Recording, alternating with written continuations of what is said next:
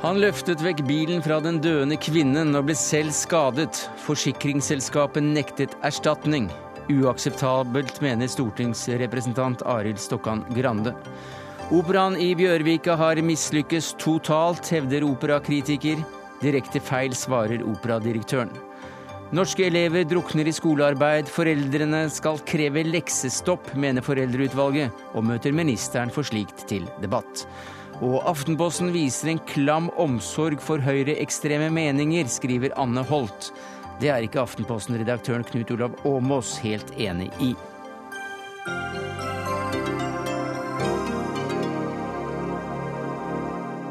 Ja, Det er noen av sakene i Dagsnytt 18 denne torsdagen, der vi også tar oss tid til å vurdere om Vår Herre har en plass i vitenskapen, eller om han bare surrer det til. Og vi får den genierklærte tyske forfatteren på besøk, som selv leker Gud, og lar Berlinmuren og DDR fortsatt eksistere i en krim à la Le Carré fra våre dager. Men vi begynner med det som gjorde et sterkt inntrykk på radiolytterne i morges. Kjetil Granstøl prøvde å redde et liv, ble selv reddet, men om det var en ulykke i forsikringsmessig forstand, ja, det ble det strid om. Vi var inne her og hadde akkurat kommet hjem, og så banker det to hysteriske gutter på, på døra og roper at de trenger hjelp, at mamma, mamma ligger fastklemt under bilen. Vi teller til tre og tar i alt det vi bare kan, og, og lykkes med det. I en sånn situasjon så gjør du det du kan, og litt til. Uansett. Barnas mor døde.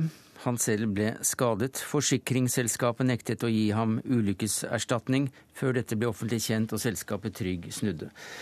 Og det var tvil om erstatningen. Akkurat det, det reagerte du på i dag, stortingsrepresentant Aris Sokan Grande fra Arbeiderpartiet. Hvorfor det? Nei, Når ulykken rammer, så slipper du alt du har i hendene eh, for å hjelpe folk som er i den største nød. Det gjorde denne personen. Han er en av våre helter. Eh, så opplever han å bli skada i forsøket. Eh, og da regner vi med at den forsikringa vi har kjøpt, den kan hjelpe oss over kneika. Så opplevde han det at dette var ikke i forhold til paragrafene og forbeholdene som forsikringsselskapet tok. Det syns jeg er kynisk, det syns jeg er hjerterått. Eh, og Derfor er jeg veldig glad for at eh, forsikringsselskapet i dag har snudd, og takket være at NRK har satt eh, fokus på saken. Geir Trulserud, du er leder for skadeforsikringsavdelingen i Finans Norge. Trygg hadde ikke anledning til å komme. Men her er altså forsikringsselskapene organisert i din forening. Hvilke argumenter brukes mot at dette faller inn under en ulykkesforsikring, hvis man snakker mer generelt og ikke tar akkurat dette tilfellet? Ja, Som du sjøl er inne på, så vil jeg ikke kommentere enkelttilfellet. Men eh, sjøl om dette er en veldig tragisk sak som fikk en god utgang, så er det slik at uh, forsikringsvilkår eller bestemmelsene de er jo satt for å kunne etterleves. Og Da vil de kunne virke litt eh, rigide og litt vanskelig. Og så er det noe ramme rundt. Og når en ulykke skjer, så er spørsmålet er den ulykken innafor de rammene.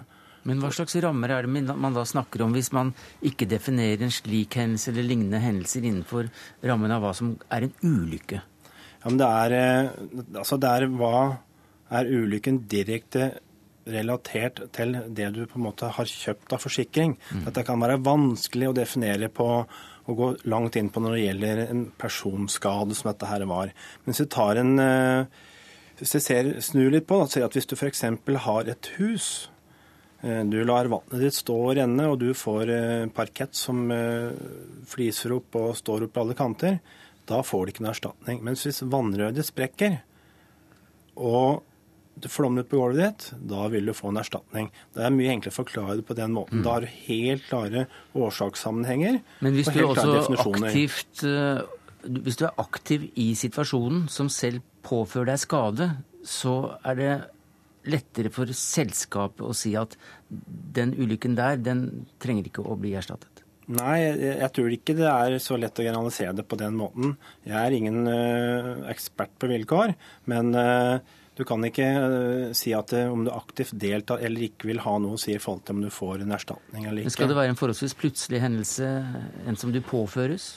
Ja, nytter og plutselig er jo det som blir, blir, blir brukt da, hvis det er f.eks. en uforutsett hendelse i, i, i, personsammenheng, så er det ofte noe du har villet sjøl, og det er jo et helt annet forhold.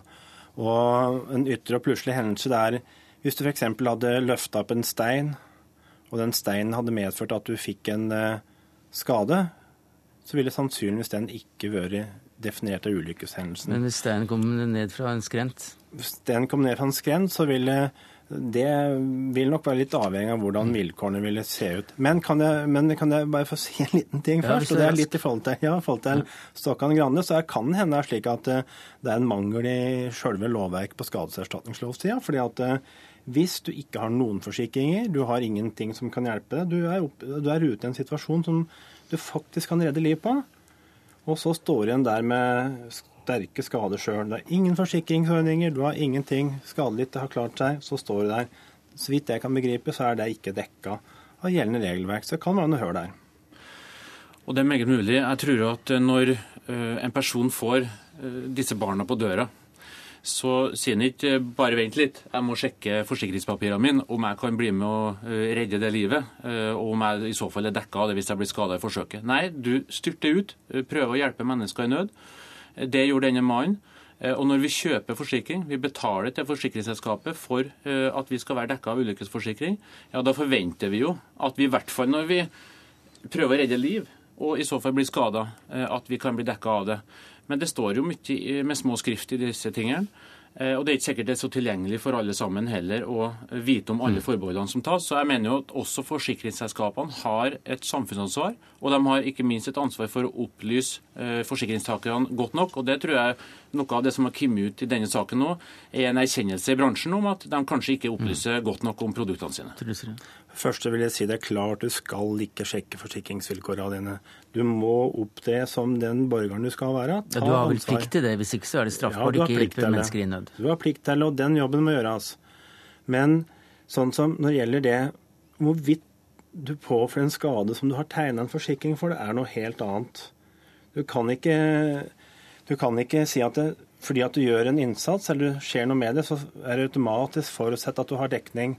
Men jeg skal være med på én ting, at forsikringsvilkår er vanskelig. og Når folk kjøper seg forsikring, så er det nå et produkt de egentlig aldri vil bruke. For i det øyeblikket du bruker, så har du fått en skade, og den skaden vil vi ikke ha. Og når først skaden oppstår, da går det og ser hva er det egentlig er kjøpt. Men Arild Stokkan Grande, du fikk jo en utfordring her. Også. Det er noe i lovverket her også som, som kunne vært annerledes?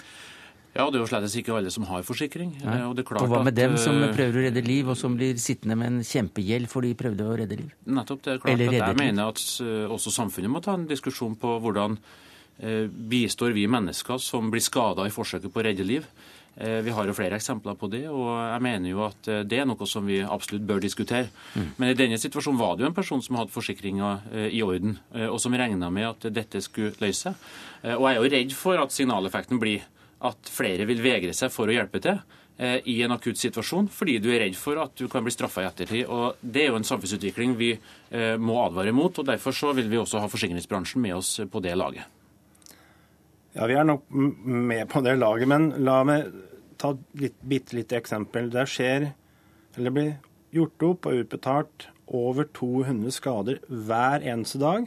Over 18 millioner kroner blir utbetalt hver eneste dag til eh, skadelidte på forsikringssida.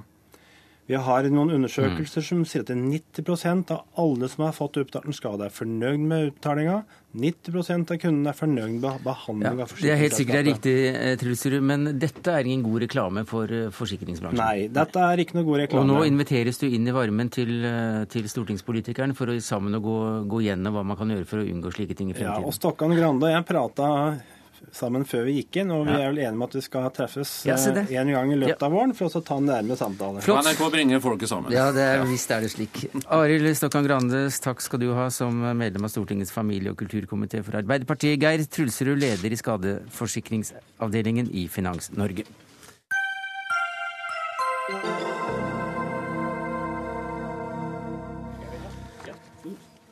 I morgen er det fem år siden dørene til operahuset i Bjørvika åpnet. selve bygget har svart til de fleste forventningene, men innholdet, ledelsen og den økonomiske styringen blir slaktet i en krotikk, kronikk i Aftenposten i dag. Redaktør i Kulturkompass og operakritiker Henning Høholt. Du legger frem ni grunner til at Den Norske Opera og Ballett har mislyktes. Hva slags grunner er det? Ja, først vil jeg si at jeg har fått overveldende mange positive reaksjoner i dag på min kronikk i Aftenposten. Jeg føler det nesten som en hyldningsferd. Ja. Vi skal komme tilbake til noen som kanskje ikke er riktig så fornøyd også, men altså, det var de ni punktene. Det, altså, det er nettopp for å få operaen helt på topp europæisk, øh, europeisk at jeg har dratt frem manglene. Det er altså ment i en positiv situasjon. Nettopp. Og punkt ett, der skriver jeg for få forestillinger på hovedscenen. Mm -hmm. Operaen har tid til ikke ha flere forestillinger på hovedscenen enn det de hadde på Youngstorget. Det var ikke det det Stortinget ble forespeilet da det i 1999 vedtok å bygge mm. et nytt operahus. Kunstnerisk stagnasjon. De store stagnasjon. stagnasjon. Mm, nummer tre? De, økonomisk vanstyre. Gæstenes solister er ofte nødvendig, men det, når, ikke når de er like bra som gjestene og går uten å ha noe å gjøre. Nedlagt Riksopera, den har jeg ikke sett lenger, men nå ser det ut som om den kommer fra neste sesong. Ja, nummer fem. For mye utleievirksomhet som tar vekk tid fra ø, operaen. Nummer seks. For få stjerner. Mm -hmm. Topptung administrasjon. Mm -hmm. ø, og nå skal vi se, så skal vi over på nummer åtte. Jeg føler at styret mangler fagkunnskap. Mm -hmm. Og ni, ni likestilling av opera og ballett. Og derunder har jeg skrevet at Nasjonalballetten har under Espen Giljernes ledelse tatt kvantesprang inn mm. i fremtiden. Tom Rellov, administrerende direktør i Operaen, hva sier du til denne gravsamme salben?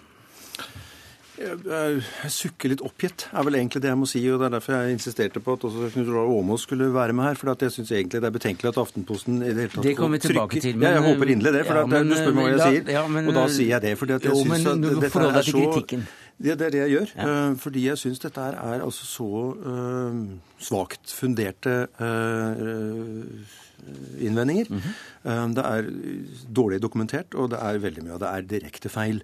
Og det er avsporende særlig når vi er på samme dag som vi lanserer et nytt repertoar. Et repertoar som vi virkelig jeg mener vi har veldig grunn til å være stolte av, som vi har fått mange fantastiske reaksjoner på allerede. og som, Ettersom jeg selv ikke legger repertoaret, så kan jeg tillate meg å skryte av det.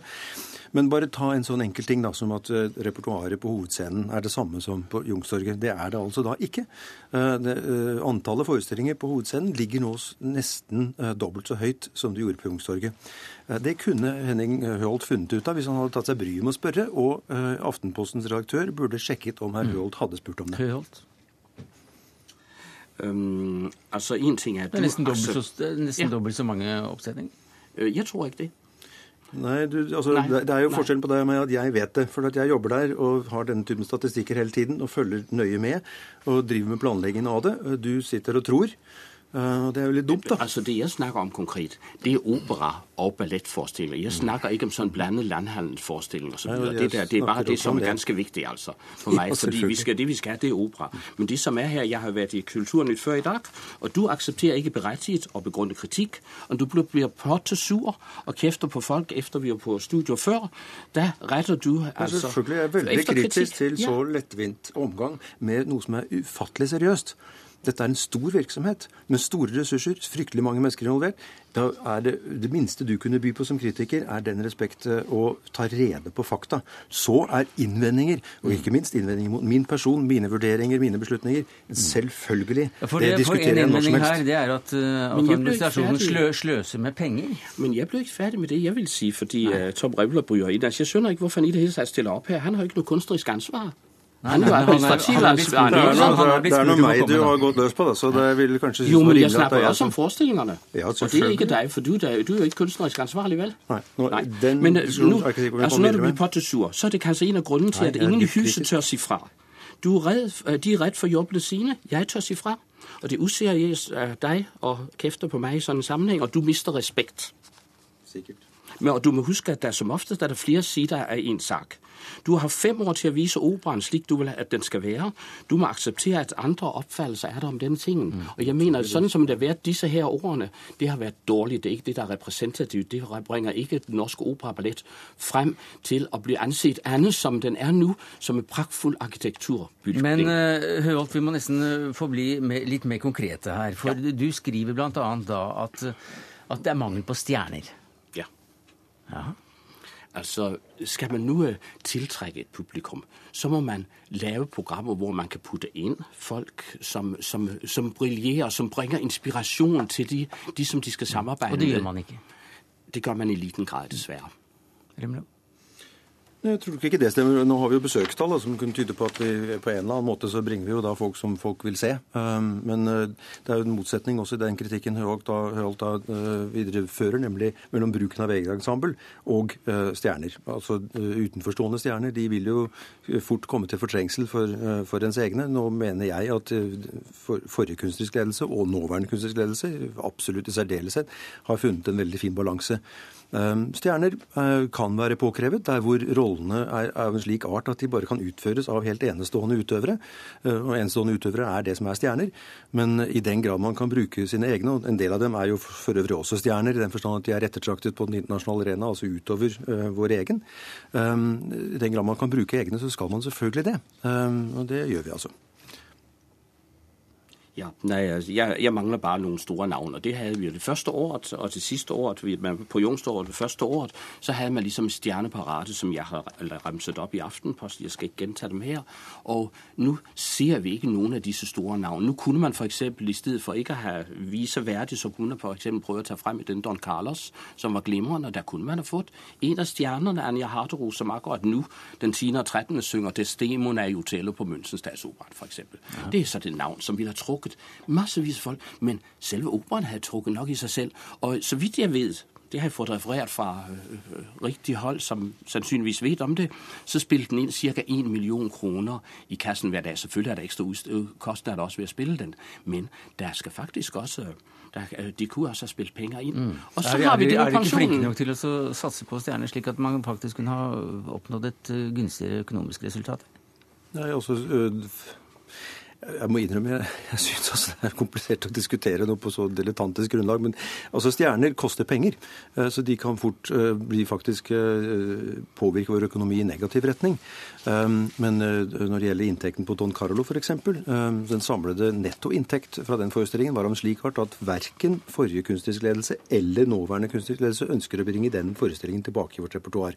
Det betyr ikke at ikke Anja Hartros kan komme til oss igjen i en annen rolle. Men akkurat Don Carlo som hun også spilte hos oss, um, den kommer ikke tilbake. Og det er primært kunstneriske grunner, sekundært eh, disponering av ressurser eh, over et helt eh, repertoar for operaens del, for mm. operakunstens del. Men jeg, for, jeg, skjønner jo nå på deg at du ikke forholder deg helt til den kritikken, for at du mener den er så useriøs at ja. du ikke finner det betimelig å imøtegå den kritikken som kommer. Jeg imøtegår den, du sitter jo her. Jo, jo, men du forholder deg ikke helt uh til den, for du mener den er for dilettantisk? Det, ja, det, det, det, mener jeg absolutt, ja. ja. Og du mener også at Aftenposten begår en brøler fordi man da lar denne kritikken i det hele tatt trykke? I den formen, ja. ja. Hvorfor det? Jo, for det er så dårlig dokumenterte påstander. Altså, jeg nevnte jo innledningsvis her eh, altså f.eks. antallet forestillinger eh, på hovedscenen. Hvor da, den tilbakevendende påstand om at det er det samme antall som på Youngstorget. Det er det altså ikke. Vi har dokumentert det. Eh, Åmås og Hans Avis de har fått våre pressemeldinger hvor dette står, osv. Da, altså, da burde ikke den kritikken fremkomme. Man kan snakke om Man kan kritisere repertoarets mm. sammensetning, man kan kritisere repertoarets kvalitet, man kan kritisere balansen mellom opera og ballett. Altså, det er mange ting. Mm. Og man kan absolutt debattere. Det er et veldig ja. viktig tema. Man kan debattere det som har overskriften her, nemlig den såkalte Grendahus-påstanden. Og den vil jeg gjerne ta, den diskusjonen. Knut Olav Åmås, du er kulturredaktør i Aftenposten, også debattredaktør. Hva sier du til den kritikken at ikke dere sjekker dette godt nok? Eh, Remlov har pekt på én eh, mulig faktafeil her. Hvis, eh, hvis, vi har sluppet gjennom noen tallfeil, som for å er den eneste konkrete feil Remlov påpeker her i denne teksten, så skal vi med glede bidra til å, til å oppklare og, og, gå dypere ned i den. Dette med for få forestillinger i, i Den norske opera har vært et gjennomgangstema lenge. Folk står i lange køer og får ikke billetter. Og, og det med at hver oppsetning også blir, blir framført for få ganger, har vært en gjennomgangskritikk av, av operaen i disse fem årene. Jeg synes at, jeg synes at, synes at Tom Remlov burde holde seg for god til å kalle en, en av de i Norge som ser mest opera, som Henning Høholt gjør, mest norsk opera og mest opera i utlandet, slik som jeg kjenner han, holde seg for god til å kalle han en useriøs dilettant. Remlov? Vi må få Remlov inn her. Ja, altså Jeg gjør det på basis av hva han har levert. Denne, denne kronikken er useriøs, og det må jeg dessverre ha lov til å kalle det. Det er bare én tallfeil ifølge om oss. Hva sa du? Ja, det, er tall, ja, det er én tallfeil vi har snakket om. Det var en annen i Kulturen nettopp, hvor altså Høholt mente at vi hadde spilt syv forestillinger av, av Figaros bryllup. Jeg kunne da mm. opplyse ham om at vi har spilt 15. Ja, Der har du to tallfeil, og vi kan, vi kan ta flere tallfeil. Det er avhengig av hvor lang tid vi har det. De, alt dette burde vært sjekket opp i forkant, så vi slapp å snakke om det nå. Vi, får se hva som er feil. men all kritikken til Høholt er, er, relevant i den forstand at han ikke står alene om den, og at det er mange som har kommet med den de siste årene, også nå. Og, og Remlov burde holde seg altså for god til å kalle en kritiker for en useriøs dilettant. Det er ingen norsk kulturinstitusjon som får mer penger fra den norske stat enn en operaen. 560 millioner. Da burde han være åpen for kritikk av, av mange slag, og ikke gli over i, i en glatt selvtilfredshet. Et øyeblikk. Selvtilfredshet handler overhodet ikke om jeg sa nettopp før Åmås fikk ordet, at det er fryktelig mye som det går an å snakke om, og som det er interessant og viktig å få snakket om. Og temaene i Høholts artikkel er mange av dem til å snakke om. Spørsmålet er med hvilken dokumentasjon, hvilket utgangspunkt for debatt det faktisk gir. Jeg bør ikke holde meg for god til å ha en oppfatning av hvorledes Høholt har gjort jobben sin. Knut Olav Åmås, som kulturredaktør i Aftenposten, så er jo du egentlig invitert hit til Dagsnytt 18 i dag for å motta en annen kritikk, og den fra Anne Holt. Og den saken skal vi komme tilbake til, men vi må avslutte denne her, Tom Remlov, med å gratulere deg med femårsdagen i morgen og for et program som ser ut som har fått foreløpig forholdsvis god kritikk. Ja, det har det. Absolutt. Og et fjorår, 2012, hvor vi altså hadde over 400 forestillinger og over 300 000 besøkende, som alt sammen er en dobling av Youngstorget.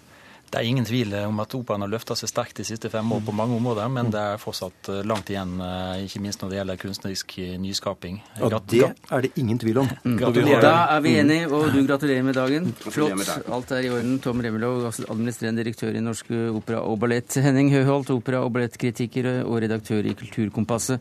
Knut Olav Åmås, kulturredaktør i Aftenposten, som tar seg en pause før vi går løs på neste runde av Aftenposten. Hør Dagsnytt 18 når du vil, på nettradio eller som podkast. nrk.no – dagsnytt 18.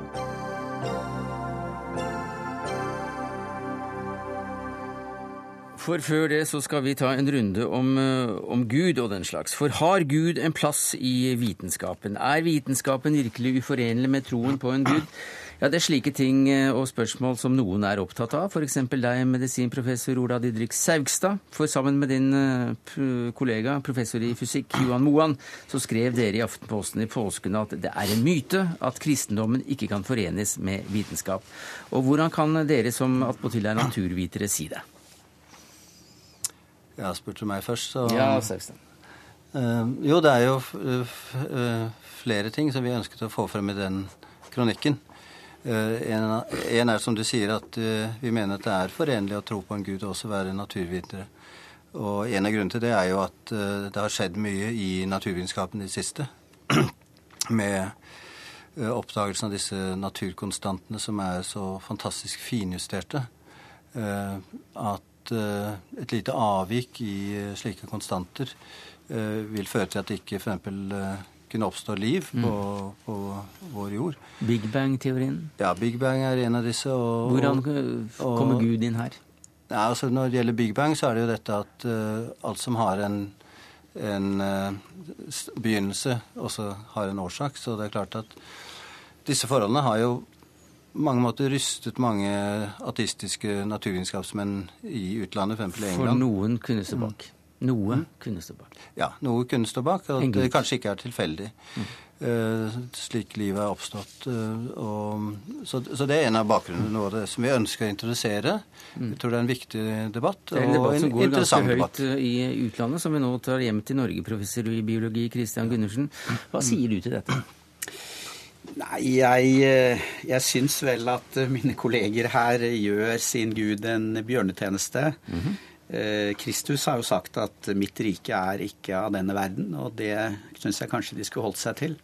Det å blande naturvitenskap med religion, det kommer sjelden godt ut. Og her er det jo historiske eksempler også. Eh, først så bodde jo Gud i himmelen, og så fikk vi moderne kosmologi hvor jorden ikke var i midten, og, ikke, og, ikke, og det var ikke hvelvet en krystallhimmel over, og Gud måtte flytte ut av himmelen. Og så har vi hatt f.eks. tro på en vitalisme, at alt liv inneholder en vital kraft. Eh, man trodde det var i organiske molekyler, så klarte man å syntetisere de uten å tilføre en sånn kraft. Og så nå har jo også en, en biolog som heter Craig Venter, klart å lage en kunstig bakterie, altså kunstig liv, uten å tilføre en slik kraft. Så, eh, og dere, dere snakker om, om, mørk materie som liksom det neste stedet hvor, hvor, dere håper å finne Gud. Jeg jo, er jo redd for at eh, når man da eh, finne mer ut om mørk materie, så må Gud også flytte ut derfra. Så Gud blir på en måte mindre etter hvert som vitenskapen vokser, og det tror jeg ikke var hensikten. Nei. Ja, nei, altså, Jeg er enig med deg der. altså Det var ikke vår intensjon å tro at uh, vitenskapen kan bevise Gud. Og det skriver vi veldig klart i kronikken vår. Så det har ikke vært i vår tanke. Nei, men Du mener liksom at det ligger noe i disse Jeg, tror jo, jeg skjønner f.eks. Mm. ikke argumentet om at dersom universet da har en begynnelse og en slutt, mm. så, så, er det et, et slags guttbevis eller en indikasjon på at det finnes en gud. Eh, sånn som jeg leser, hvis vi mm. snakker om kristendom, så, så er jo da Gud eksistert fra evighet til evighet. Sånn at man kunne like gjerne argumentert for at et univers som ikke hadde en begynnelse og en slutt, eh, var et gudsbevis.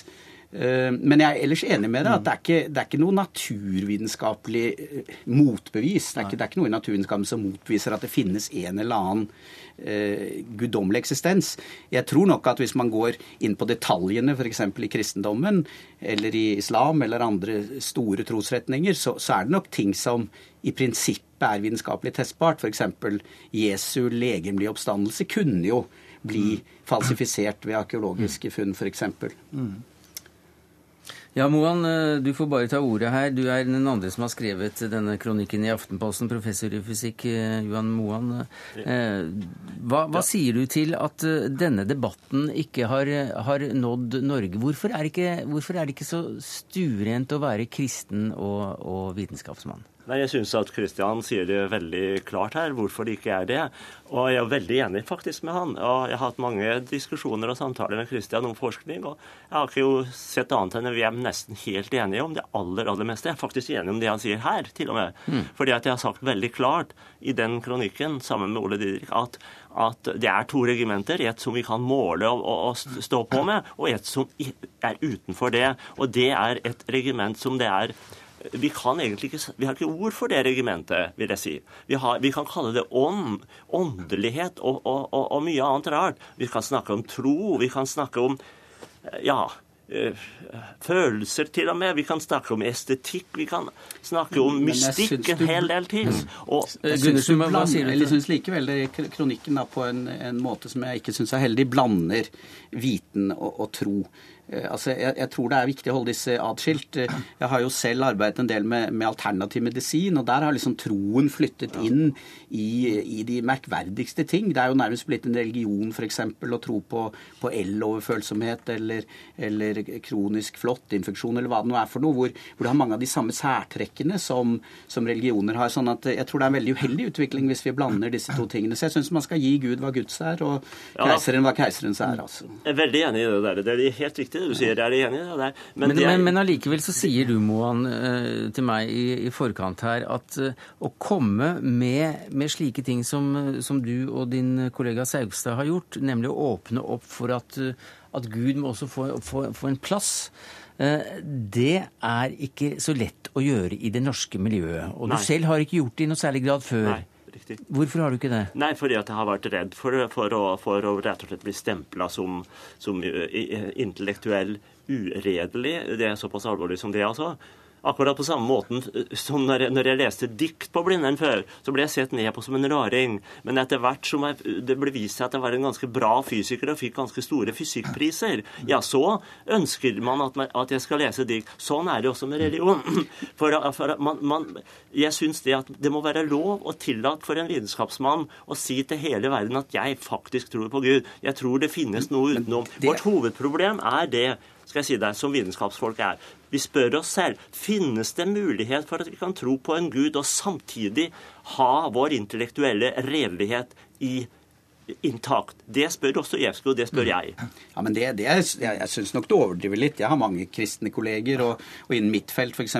nevrobiologi, forståelsen av hvordan hjernen virker og sånne nokså esoteriske ting, vil mange si, så, så finnes det jo kristne, kristne, forskere. Problemet oppstår når du blander trossfæren og vitensfæren, og det syns jeg altså dere gjør i kronikken. Men, men det, er ikke noe, det er ikke noe problem å være på den ene siden religiøs og på den andre siden eh, vitenskapsmann men det syns Moan, altså Moan har jo da holdt inne med dette helt til han nærmet seg pensjonisttilværelsen. Jeg tror jeg ikke han hadde behøvd det. tror jeg. Men, men, Christian, jeg mener jo at vi sier ganske klart fra i kronikken at, at vi ikke skal gå i gamle feller og tro at uh, naturvitenskap kan bevise Gud. Det står helt eksplisitt i, i kronikken vår.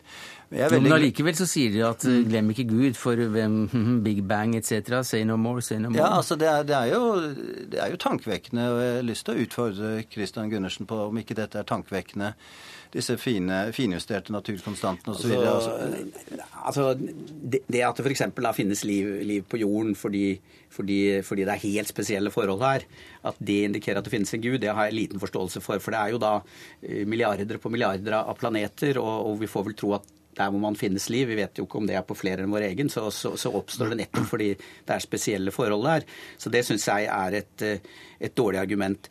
Eh, jeg har lyst til å si at selv om jeg syns at religion i sitt, i, i sitt, prinsipp ikke er i strid med, med vitenskap, det gjelder ikke bare naturvitenskap, men annen vitenskap, også historie f.eks., så er det jo en del hva skal vi si, rariteter i mange religioner som som jeg syns er litt vanskelig å håndtere. F.eks. At, at universets skaper skal bry seg om hva vi spiser eller at universets skaper skal mene at vi skal, skal, kutte av den forhud han har skapt oss med. Så god tid har han eller hun ikke? Nei, jeg ville tro at det var litt annet å tenke på. Christian Gundersen, eh, Johan Moan, eh, Ola Didrik Saustad, takk skal dere tre ha for å ha dratt i gang en, eh, en debatt som er ganske stor, og som vokser der ute, og som vi gleder oss til at skal vokse litt her hjemme også.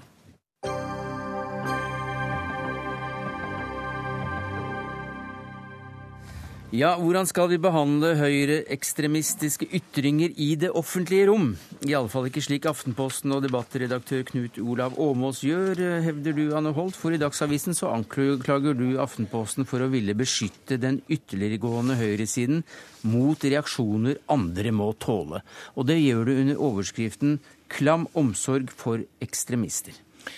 Ja, det gjør jeg. Eh, jeg vil først si det at eh, jeg er først og i hovedsak veldig uenig i den virkelighetsbeskrivelsen som Åmås eh, ga oss i en artikkel i Aftenposten den 3. april, nemlig at det er en tendens til at den mer store offentlighet istedenfor å gå inn i realitetsdebatter med Høyre, eller i dette tilfellet ikke ekstreme, men ytterliggående meninger, har en tendens til å diskutere om det burde vært publisert, eh, og derved unngå å debattere det. Jeg kan, når jeg ser tilbake, og det har jeg brukt noe av dagen på å gjøre, bare se at det er tilfellet ved én bestemt artikkel i Aftenposten, og der syns jeg faktisk det var på sin plass. Eh, det er mitt hovedinnvending, at virkelighetsbeskrivelsen er feil. Så kan man også si at slik Aftenposten har utviklet seg, og det er veldig mye bra med det, så er det også slik at jeg mener å se at man setter et lavere kvalitetsnivå eller kvalitetskrav når det gjelder utrerte eller rare eller veldig annerledes meninger enn man gjør til det som vi andre måtte skrive.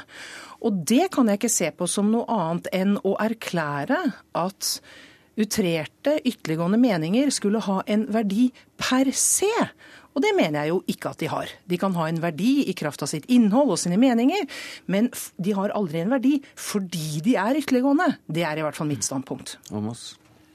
Eh, mitt hovedpoeng i artikkelen min i forrige uke var å diskutere hvordan upopulære og svært omstridte meninger eh, det er det tøft å ha i et land som Norge. Og det gjelder enten eh, man står på venstre side eller høyre side, eller har ukorrekte eller korrekte meninger. Så dette temaet om eh, reaksjoner eh, som går på var det riktig å publisere dette, det dreide seg mest om en god del saker der, der, akademikere, kulturfolk på Twitter og Facebook ikke er villige til å diskutere sak, men, men diskutere selve publiseringen i stedet for. Og da kommer man jo ikke videre til argumentene eller til uh, saken selv. Og var det noe vi lærte etter 22.07-terroren, så er det jo nettopp dette at vi må, vi må gi motstand og kritikk uh, til, uh, til, til debatter i, i offentligheten. Og, og, jeg lurer på om det er i ferd med å gå tapt. Arnold. Ja, jeg ser ikke at det går, uh, går tapt i det. I hvert fall ikke muligheten til å ytre seg.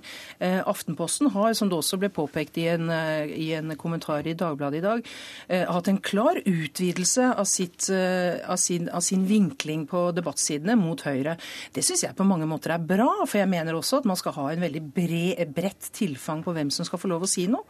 Det jeg har reagert på, det er at det skal være så veldig mye vanskeligere, eller en av de tingene jeg har reagert på, er jo at denne påstanden om at det skal være så veldig mye vanskeligere for folk med ytterliggående standpunkt å, å, å, ytre seg i offentligheten enn det er for et hvilken som helst person å ytre seg i offentligheten. Og Det er jo hovedpoenget mitt i denne kronikken jeg har i Dagsavisen i dag, nemlig at det å ytre seg overhodet det har sin pris. Det kan man beklage. Og jeg må være ærlig og si at jeg har veldig ofte beklaget det. Eh, fordi jeg har også vært utsatt for det selv, slik alle, eh, alle som ytrer seg, har blitt det. Og jeg kan ikke se at eksponenter for ytterligere ytterliggåenhet skulle ha et særskilt krav på vern fra dette. Og Du mener at Knut Olav Åmås da, da, hevder at de bør ha et slikt vern? Nei, jeg mener at konsekvensen av det jeg ser i Aftenposten, altså at vi har Jeg mener at en del av de artiklene som dere har sluppet inn, som er den type artikler vi nå eh, nå har snakket om, de har vært så vanskelig å få tak i, i den forstand at det er vanskelig å se hva artikkelforfatteren mener, de har vært dårlig skrevet, de har vært dårlig redigerte, men dere trykker dem likevel. Mm. Til tross for det enorme tilfanget dere har på gode artikler hver dag. Og da tenker jeg, da må det ligge en vurdering til grunn for dette. At dere skal ha en særskilt omsorg for mm. denne type ytringer. Og det syns jeg er rart. Men altså, de ordene du, du, du bruker, at, at, vi slipper til utrerte og rare ting, det er jo helt avhengig av hva du mener selv og hvor du står. Dine synspunkter vil virke utrerte og rare for, for dine meningsmotstandere. Så, så, vi stiller samme kvalitetskrav. Eh, og har selvfølgelig et spesielt ansvar for, for å slippe til eh, ting som ikke så lett slipper til eh, alle steder også. og Derfor har vi prøvd å utvide, utvide avisvirkeligheten vår. Eh, men jeg kjenner meg ikke igjen i din virkelighetsbeskrivelse når, eh, når, eh, når, når altså, Ser du så mange ekstre, ekstremister og, og ytterliggående i norsk offentlighet? Nei. Det gjør jeg ikke. Men jeg ser noen, og mange av dem ser jeg i, eh, i Aftenposten. Uh, og da ta, snakker vi om de som stort sett enten står på veldig ytterste høyre side, eller som står for et veldig foreldet familiesyn. Altså, har, du vet veldig godt hvem det er vi egentlig snakker om. Og som sagt, jeg har selvfølgelig ingen motforestillinger mot at disse menneskene blir hørt. Men du syns det er dårlig, dårlig, dårlig, fundert og dårlig nei, skrevet, f.eks.? Nei, jeg, jeg bare mener at det du nå gir uttrykk for, denne bekymringen for disse ytrerne, det er den jeg ikke helt forstår. For jeg ser ikke at de som ytrer seg fra de ståstedene vi nå snakker om, og det er jo du som brakte inn dette med at de er ytterliggående, at de er på, på liksom den høyre siden, du, du nevnte til og med 22. juli i dette, så, så, så, det er jo ditt begrep. Og jeg kan ikke helt forstå hvorfor, hvorfor hvorfor skal vi ha de har et særskilt vern? Det, det, forstår jeg rett og slett ikke hvorfor. Nei, men Her forstår ikke jeg din virkelighetsbeskrivelse. Du bruker ord som freda og særskilt vern. Det er jo selvsagt ikke min eller vår innstilling. Eh, eh, problemet er jo for lite debatt, ikke for mye debatt. Det er at eh, for mange debattanter ikke blir imøtegått og argumentert med.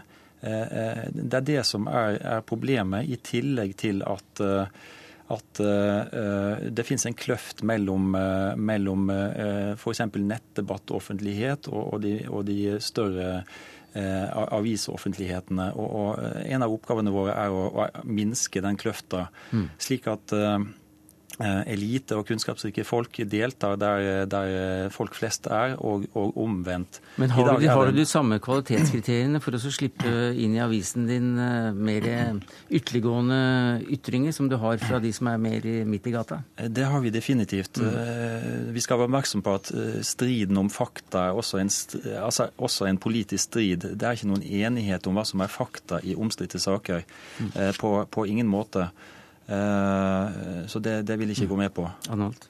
Nei, altså, Jeg er i likhet med deg. Ja, For det første så redigerer ikke jeg Aftenposten. Og for det andre så er det jo en grunn til at man leser den avisen hver dag. Det er jo fordi man mener at dette er viktig for en.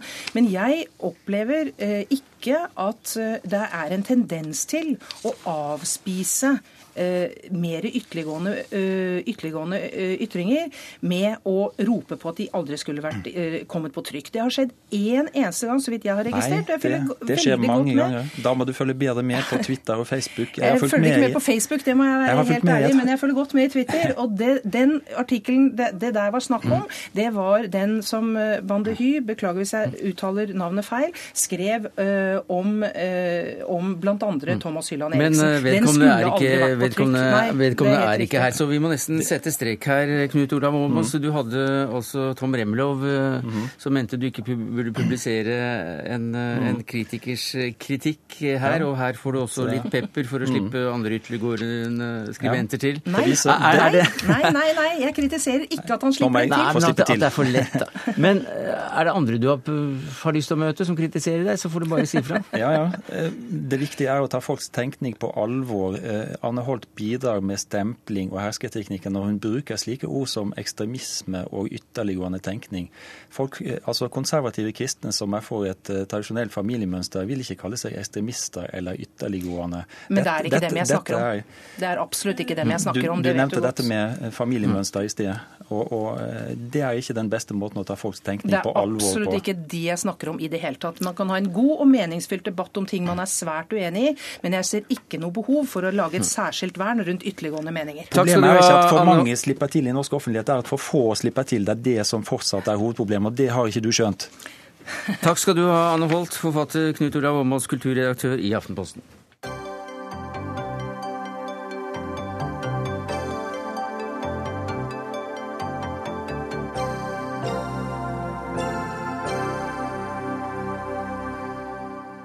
Ungene har for mye lekser, altfor mye, mener foreldreutvalget, som vil ha slutt på at elever må bruke helger og ferier på skolearbeid. Det skriver Dagsavisen i dag. Nestleder i foreldreutvalget, Christian Hellevang. Hvordan vil du beskrive leksepresset som ungene opplever? Altså det, for enkelte elever så er dette umenneskelig. Altså det blir eh, kjempepress på elevene. Og vi merker at noen blir jo nesten syke av det. Sånn at vi er opptatt av å skape en debatt nå og si at vi har sagt at alle foreldre bør respektere at skoler har 190 arbeidsdager i året. At vi skal prøve å jobbe effektivt de dagene, og ikke ta ut barna våre av skolen de 190 dagene man skal gå på skole, men som på skolen samtidig respektere at barna skal ha fri. Eh, Ferier skal være mest mulig leksefrie, og helgene skal være mest mulig leksefrie. Solveig Wistendal, eh, du er leder av Skolelederforbundet. altså Du er øverste sjef for eh, rektorene her i landet. Hva sier du til det at dere gir altså ungene helt, påfører dem et helt umenneskelig press? Jeg er ikke sikker på om det er den situasjonen som er gjengs hele veien, og i alle skolene, men Gjør folk syke? Unge syke? Ja, vi, vi leser så. Men uh, min erfaring er at de fleste skoler forsøker å gi uh, lekser i arbeidsuka til elevene, og at de forsøker å holde seg innafor en normal arbeidsuke. Å gi lekser fra fredag til søndag, eller fredag til mandag, det syns jo vi også er uakseptabelt. Men uh, dere oppfordrer altså foreldre nå til å gå til aksjon. Altså, vi mener at altså, det var en flott debatt på NRK forrige torsdag som virkelig satte skolepolitikk på dagsordenen, og som viste viktigheten av godt skolesamarbeid på den enkelte skole, der lærere, foreldre og elever samarbeider og snakker om ting. Og vi mener at her bør man bruke samarbeidsutvalgene på skolen til å diskutere disse tingene her.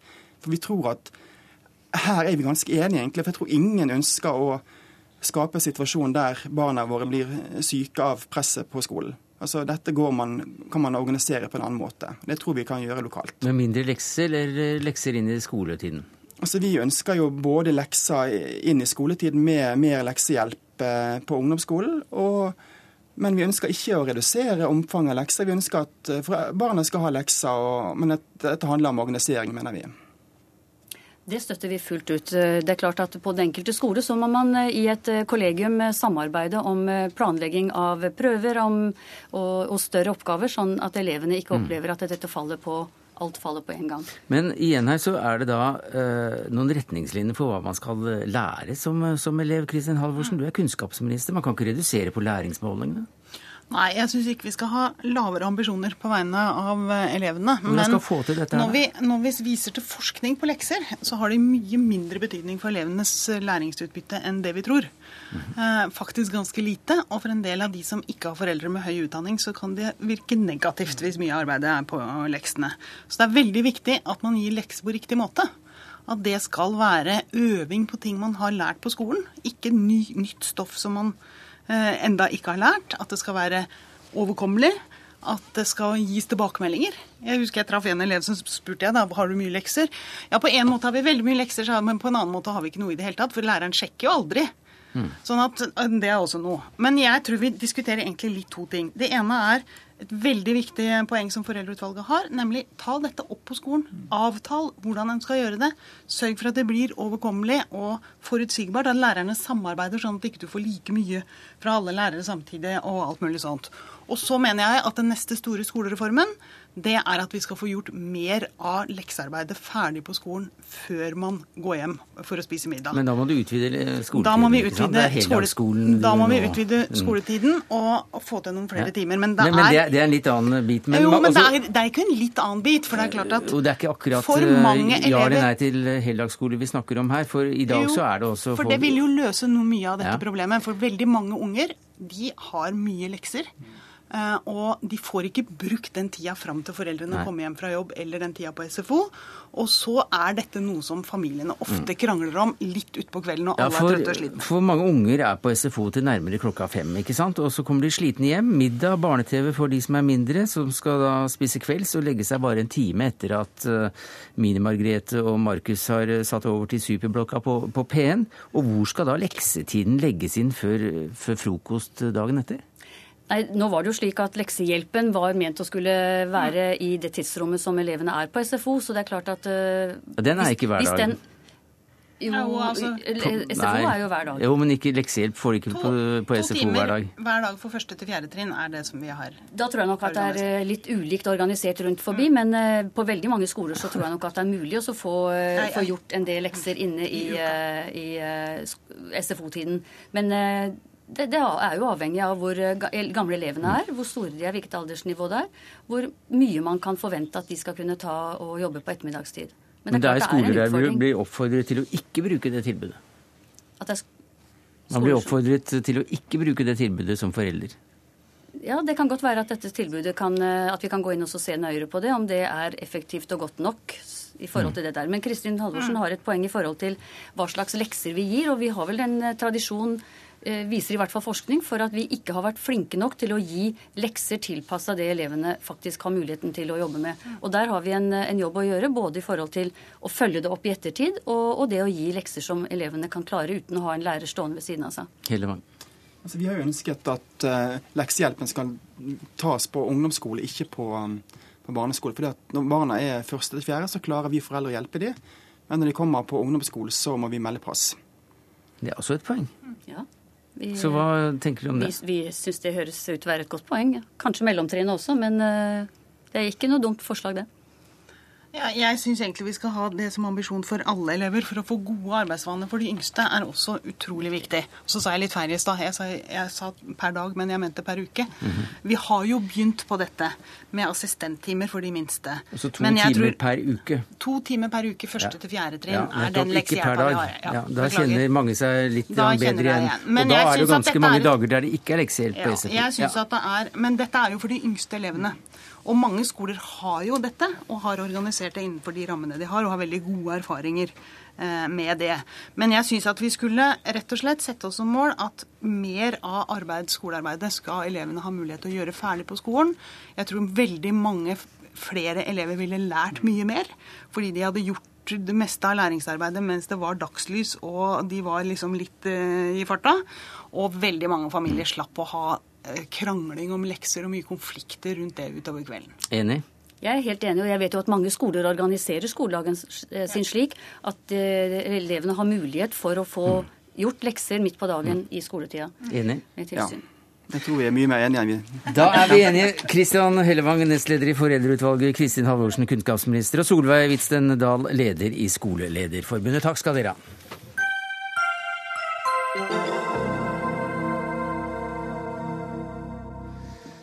Ja, nå skal vi snakke om denne boka som da er dypt underholdende. Årets krim, ytterst eh, spennende, kraftfullt, velskrevet, på nivå med Le Carrés store osv., osv., ifølge tyske anmeldelser i Spiegel, Frankfurter, Algemein Allgemein etc. Helt på høyden med Günter Grass og Blikktrommen når det gjelder politisk og litterær intensitet, ifølge eh, Westdeutsche Allgemeine Zeitung. Simon Urban, outstanding reviews. Congratulations and welcome to Dagsnytt 18. Thank you very much. Plan D kommer altså nå eh, på norsk, som første utenom eh, tyske språk. Og det mest spesielle med denne krimboka er ikke at den forteller om Øst-Tyskland anno 2011. Eh, men at den ikke forholder seg til at muren falt i 89, snarere tvert imot. Muren står, og det gjør også DDR. Med Egon Krenz fremdeles som statssjef. Ganske så kontrafaktisk. It's a fantastic story, sier man Urban. What's the intention, or why pretending that the wall still is a reality in 2011? In Germany, we've got the situation that uh, many people um, are looking back very, a little bit too positive to the GDR, I mm -hmm. think. And there even was a discussion if the GDR was a lawless state or if it even was a dictatorship. And I think this is very cynical. And so my idea was to show everybody that this state wouldn't have changed if it still exists today. So I showed how the GDR would look in the year 2011. And how would it look like? Oh, it's very gray and it's not so different to the historic uh, GDR we know. Um, but uh, there are little uh, inventions, new products and uh, new things, mobile, new lemonades, but the system is still the same. And the people are still the same. The people are still the same. Uh, the plot itself is very exciting as well. A dead man killed. Your local Derek, so to so to speak, is a captain in the Volkspolizei in uh, Köpenick, Martin Alfonso Wegner. How would you describe him? Oh, I think he's an, an old man. He's about uh, 56, and uh, his girlfriend uh, left him, and so he's not very happy. and he doesn't believe in finding uh, the truth and finding justice in the state. So he has to do this detective job, of course, but he, he don't he doesn't believe uh, finding the truth. But what he wants is finding the truth for himself. Mm. He knows that there will be no justice with the system, even if he finds uh, the killer. But he wants to know what happened, and so he tries. Forfatteren vil også uh, si noe om, uh, om uh, den tiden der DDR eksisterte, og som etter hans mening for mange ser tilbake til, på med noe nostalgi. Og denne, denne etterforskeren han etterforsker ikke bare et mord, men han vil også finne ut av noe om, om seg selv, og ikke minst av det systemet. but the plot, I mean, it's called Plan D. Uh, what kind of plan is Plan D, or would that be to blow the plot if you tell us? Mm, I can try. Mm. Uh, the people who's uh, the, the, man who was killed at the beginning of the novel uh, is called Hoffmann, uh, which is a, in German perhaps called a speaking name, a name which uh, says he's a man who hopes. He developed this plan in the 70s. And this plan says um, we have to have the GDR as a, a state with democracy, and we have to think about uh, not any uh, pollution anymore and um, modern thinking. And um, this uh, plan, I think, if it uh, had existed at this time, it would have could have saved the GDR really, mm -hmm. because it's a plan which is. Uh, uh, about a very positive future, and so it's a kind of third alternative. Yes, I think so. And the man developed this plan, but he couldn't realize it and he couldn't uh, bring it through. So, and uh, now he's killed, and uh, Wegener, the detective, has to find out about this plan and why it wasn't realized. Mm. Knut Hoem, du er litteraturanmelder her i NRK med tysk uh, litteratur som uh, både spesialitet og, og et hjertebarn. Hva slags bok, altså Hvor vil du plassere en slik bok om DDR, som altså skriver om DDR anno 2011? Ja, Det er jo en eh, kontrafaktisk roman, som det kalles. Altså, man, hva, hva ville skjedd hvis, hvis, eh, ting hadde vært annerledes? Hvis, Matte? Hvis og matte, eh, Og det er jo flere bøker i denne sjangeren som kommer i Tyskland nå. Og i mai så kommer jo den bok som heter 'Han er tilbake'. Og den som kommer tilbake, det er Adolf Hitler, som våkner opp i Berlin i det samme år som denne boken utspiller seg, nemlig i 2011, og avanserer til talkshowstjerne. Så her Ja, har vi Hitler som talkshow-stjerne. Hitler som talkshow-stjerne. Så her har vi jo eh, rett og slett eh, en ny generasjon forfattere i Tyskland som eh, tar tak i tysk historie som en slags myte eller eventyr, og tuller med det. Og det er jo litt nytt, da. Men eh, du har også sagt at, at østtysk litteratur for så vidt er død, men altså den, den lever videre? Ja, den gjør det. Eh, Det har jo vært en del satiriske romaner om det der. Eh, Men det her som eh, Simon Orban gjør her, nemlig å, å forestille seg at Egon Krenz ikke gikk unna med DDR og hele landet forsvant, men, og at det fant sted en gjenforening, men at det istedenfor fant sted en gjenopplivning, som det heter i boken. Altså at det bare så vidt var en åpning noen måneder, og så stengte de grensen igjen. Mm. Det er jo en fascinerende plan. Eh, og den komikken som oppstår her, det er vel en komikk som ligner litt på den komikken som oppstår når man hadde denne nostalgiske bølgen. Altså da man begynte å bli veldig opptatt av DDR-produkter og, og fortelle om dem. For det, alle DDR-produktene som man tullet med på 90-tallet i en del romaner, eh, kommer jo igjen her. Altså deodoranter som heter Action, som det bare finnes en type av. Eller da altså mobiltelefon som heter Minsk osv. Eller Trabantens arvtaker som heter Molokk. Eh, så det er, jo, eh, det er jo veldig mye komikk som oppstår eh, i det. Men så er det jo også en del alvor her, da. For det er klart at selv om DDR gikk under, så lever jo på en måte Språket til diktaturet det, det lever jo videre i denne boken. Altså Bare når man leser et ord som sektorgrense, så er man jo på en måte rett tilbake igjen i den tiden. Simon Urban, why did you choose the crime story as a frame, eine Ramung, for this Mhm. project? Uh, first of all, because uh, I love suspense when I'm a reader or when I'm watching films. And then I think um, I call this uh, idea of the contrafactic uh, history in this novel a, a mega fiction because I was so brave to change the whole German history. And so I think if there's a crime plot, which is uh, uh, the day, daily thing uh, that somebody is um killed on this earth. So you can uh, bring this mega fiction of this uh, changed history back to earth with with something which is uh, very daily. And so this is a, I think it's a mixture which which works very well.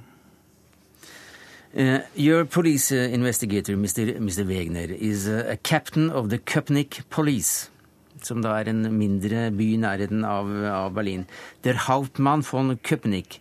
And we have heard about another Hauptmann von Köpenick. Uh, det er jo snakk om Köpenikade, det Mhm. kjenner vi godt til.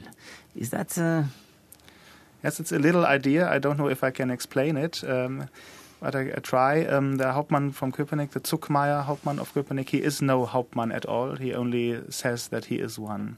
He's pretending. Yes, and uh, Wegener, he is one, of course. He is uh, Hauptmann from the Volkspolizei in East Berlin, in Köpenick.